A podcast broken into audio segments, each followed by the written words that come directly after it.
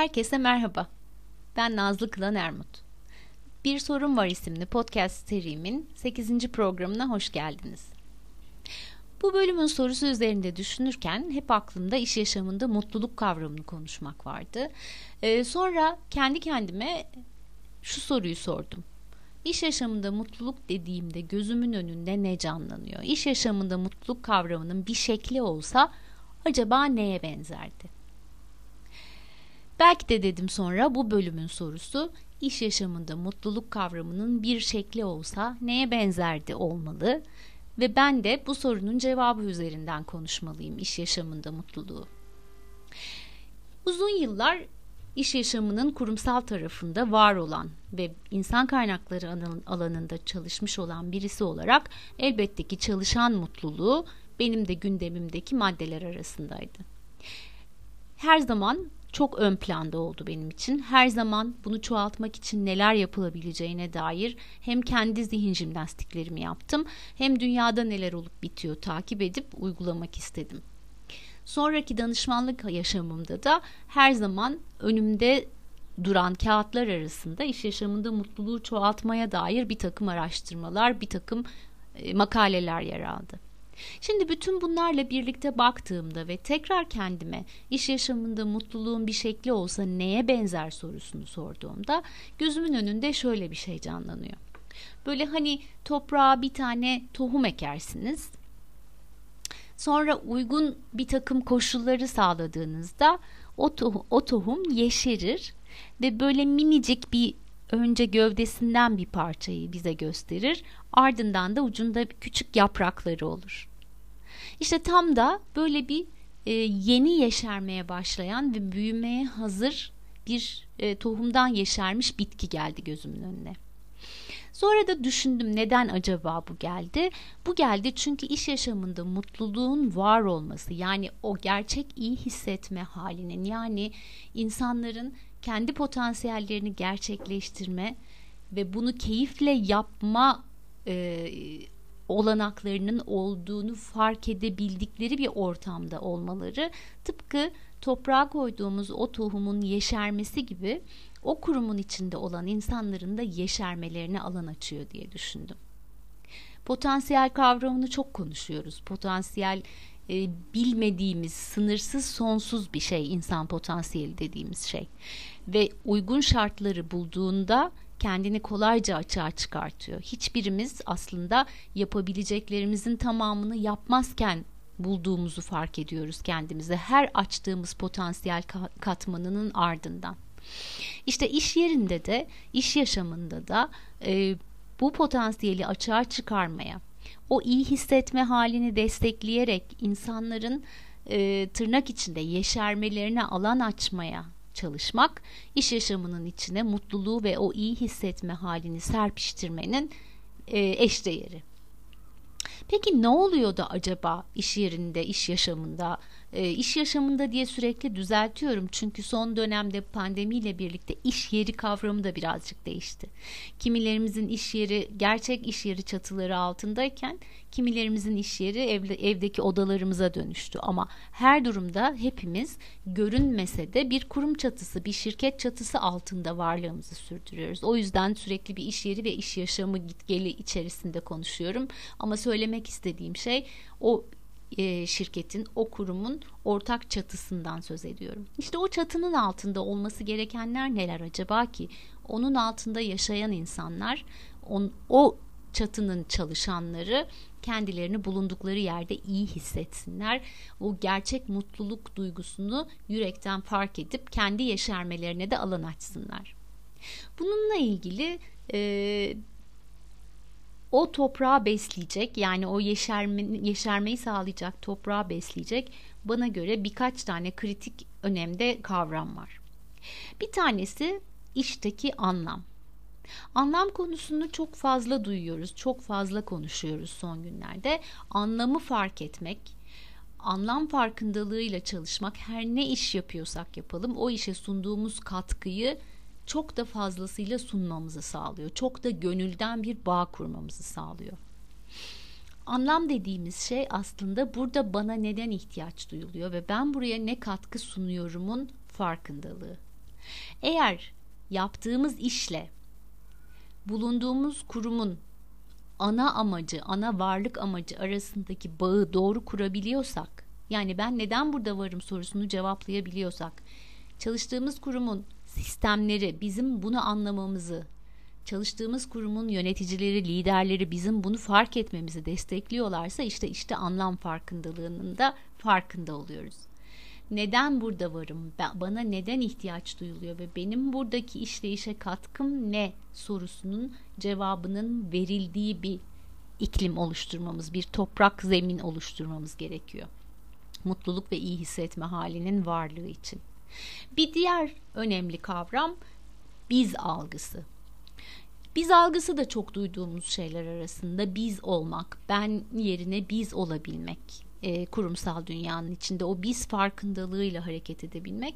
Ama bunu sadece sözel olarak bazen söylüyoruz. Uygulamada biraz zorlanabiliyoruz. Ama hepimiz birlikteyiz ve hepimizin ortak bir amacı var burada olman, olmaktan. Hepimiz buranın yeşermesini, büyümesini ve sonuçlarını ortaya koyabilmesini desteklemek için varız. Yani aynı gemideyiz. Çok tekrar eden bir cümledir ama gerçekten önemlidir. Aynı gemideyizin farkındalığını e, fark ettirmek bütün çalışanlara.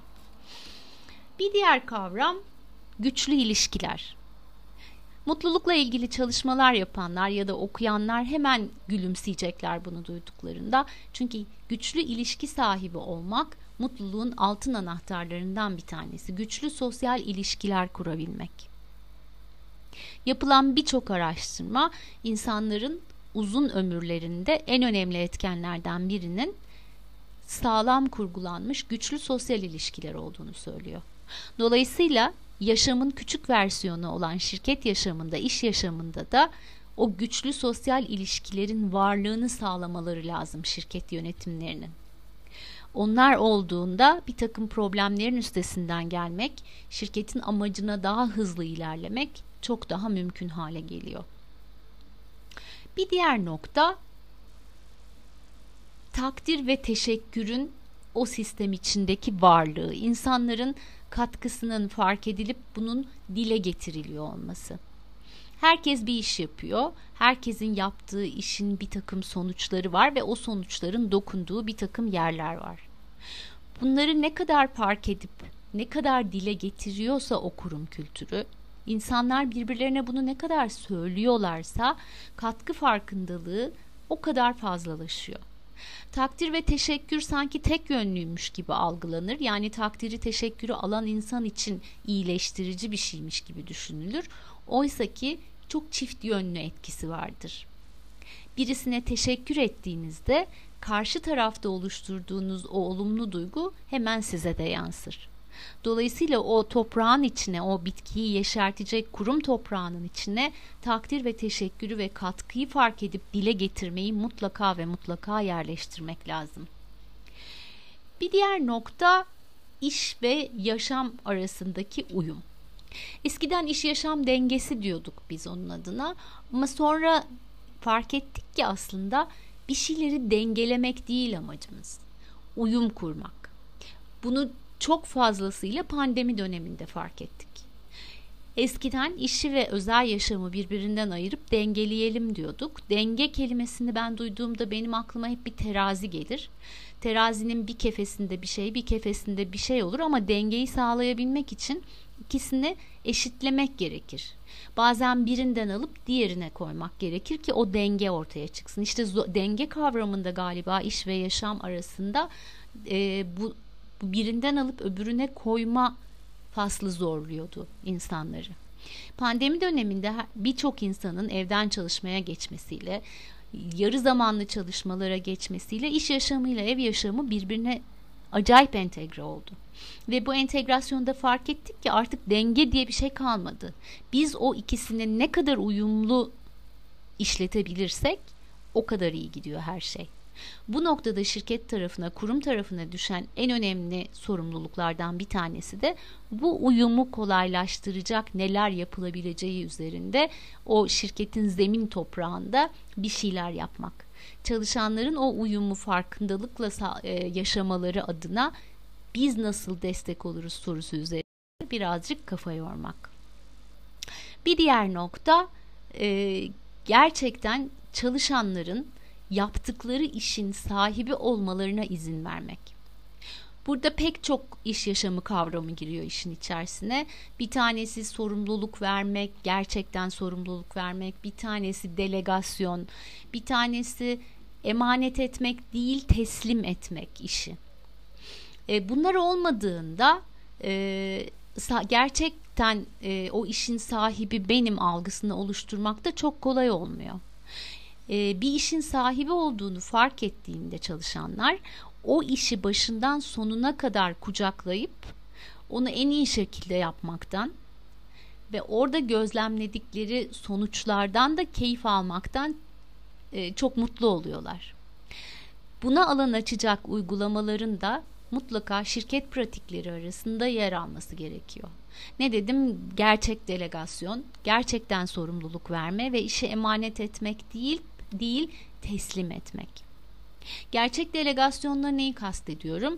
Ee, bazen yönetsel iş devirlerinde angarya işlerin çalışana devredildiğini ama aslında mikro yönetim tarzıyla gerçek önemli işin gerçekten yapılma parçalarının çalışana çok da verilmediğini gözlemleyebiliyoruz. Ama delegasyon gerçekten yapıldığında iyisiyle kötüsüyle sonuçlarına katlanabilme gücünün çalışana devredildiğinde gerçek delegasyonla karşılaşıyoruz.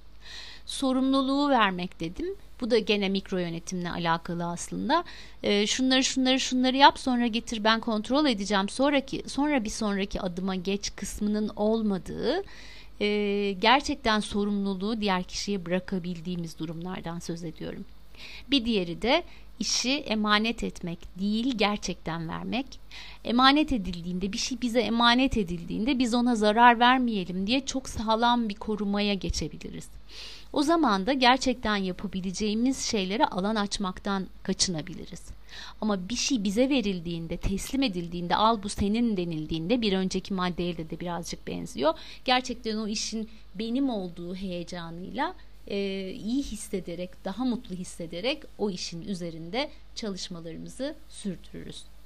İşte aslında hani az önce topraktan çıkan tohumun topraktan çıkıp yeşermesiyle gözümün önünde canlanan iş yaşamında mutluluk kavramı bunlar olduğunda yani o işteki anlam farkındalığı, güçlü sosyal ilişkiler, biz algısı, iş ve yaşam uyumu e, katkı farkındalığı, ben neden burada varım sorusunun cevabı karşılığında alınan, e, ortaya konulan katkıya yönelik farkındalık ve bu katkının sonucunda duyduğumuz takdir ve teşekkür yaklaşımları e, ve gerçekten işin sahibi olduğunun, olduğunun hissettirilmesi o toprağın e, çok uygun bir şekilde iş yaşamının içindeki mutluluğu beslemesini, iyi hissetme halini yeşertmesini ve beraberinde de çalışanların gerçek potansiyellerini ortaya koymanın keyfiyle iş yaşamının içinde var olmalarını kolaylaştıran bir şeye dönüşüyor. O zaman bu bölümün sorusuna geri dönecek olursak, iş yaşamında mutluluk kavramının bir şekli olsa neye benzerdi diye sormuştum. E, bütün bu konuştuklarımla ben baktığımda kendi verdiğim cevabı sevdiğime karar verdim. Yani iş yaşamında mutluluk benim için gerçekten de iş yaşamının zemin toprağından insanların yeşererek büyüdükleri bir şeyi canlandırıyor gözümde. Bu olduğunda ancak yeşerme ve büyüme söz konusu oluyor. O iyi hissetme hali olduğunda. Merak ediyorum sizler için iş yaşamında mutluluğun karşılığı ne? Acaba neye benzetirsiniz bir şekli olsa belki paylaşmak istersiniz. Evet hepinize beni dinlediğiniz için teşekkür ediyorum. Ee, gelecek hafta görüşmek üzere. Herkese sağlıklı ve mutlu günler diliyorum. Hoşçakalın.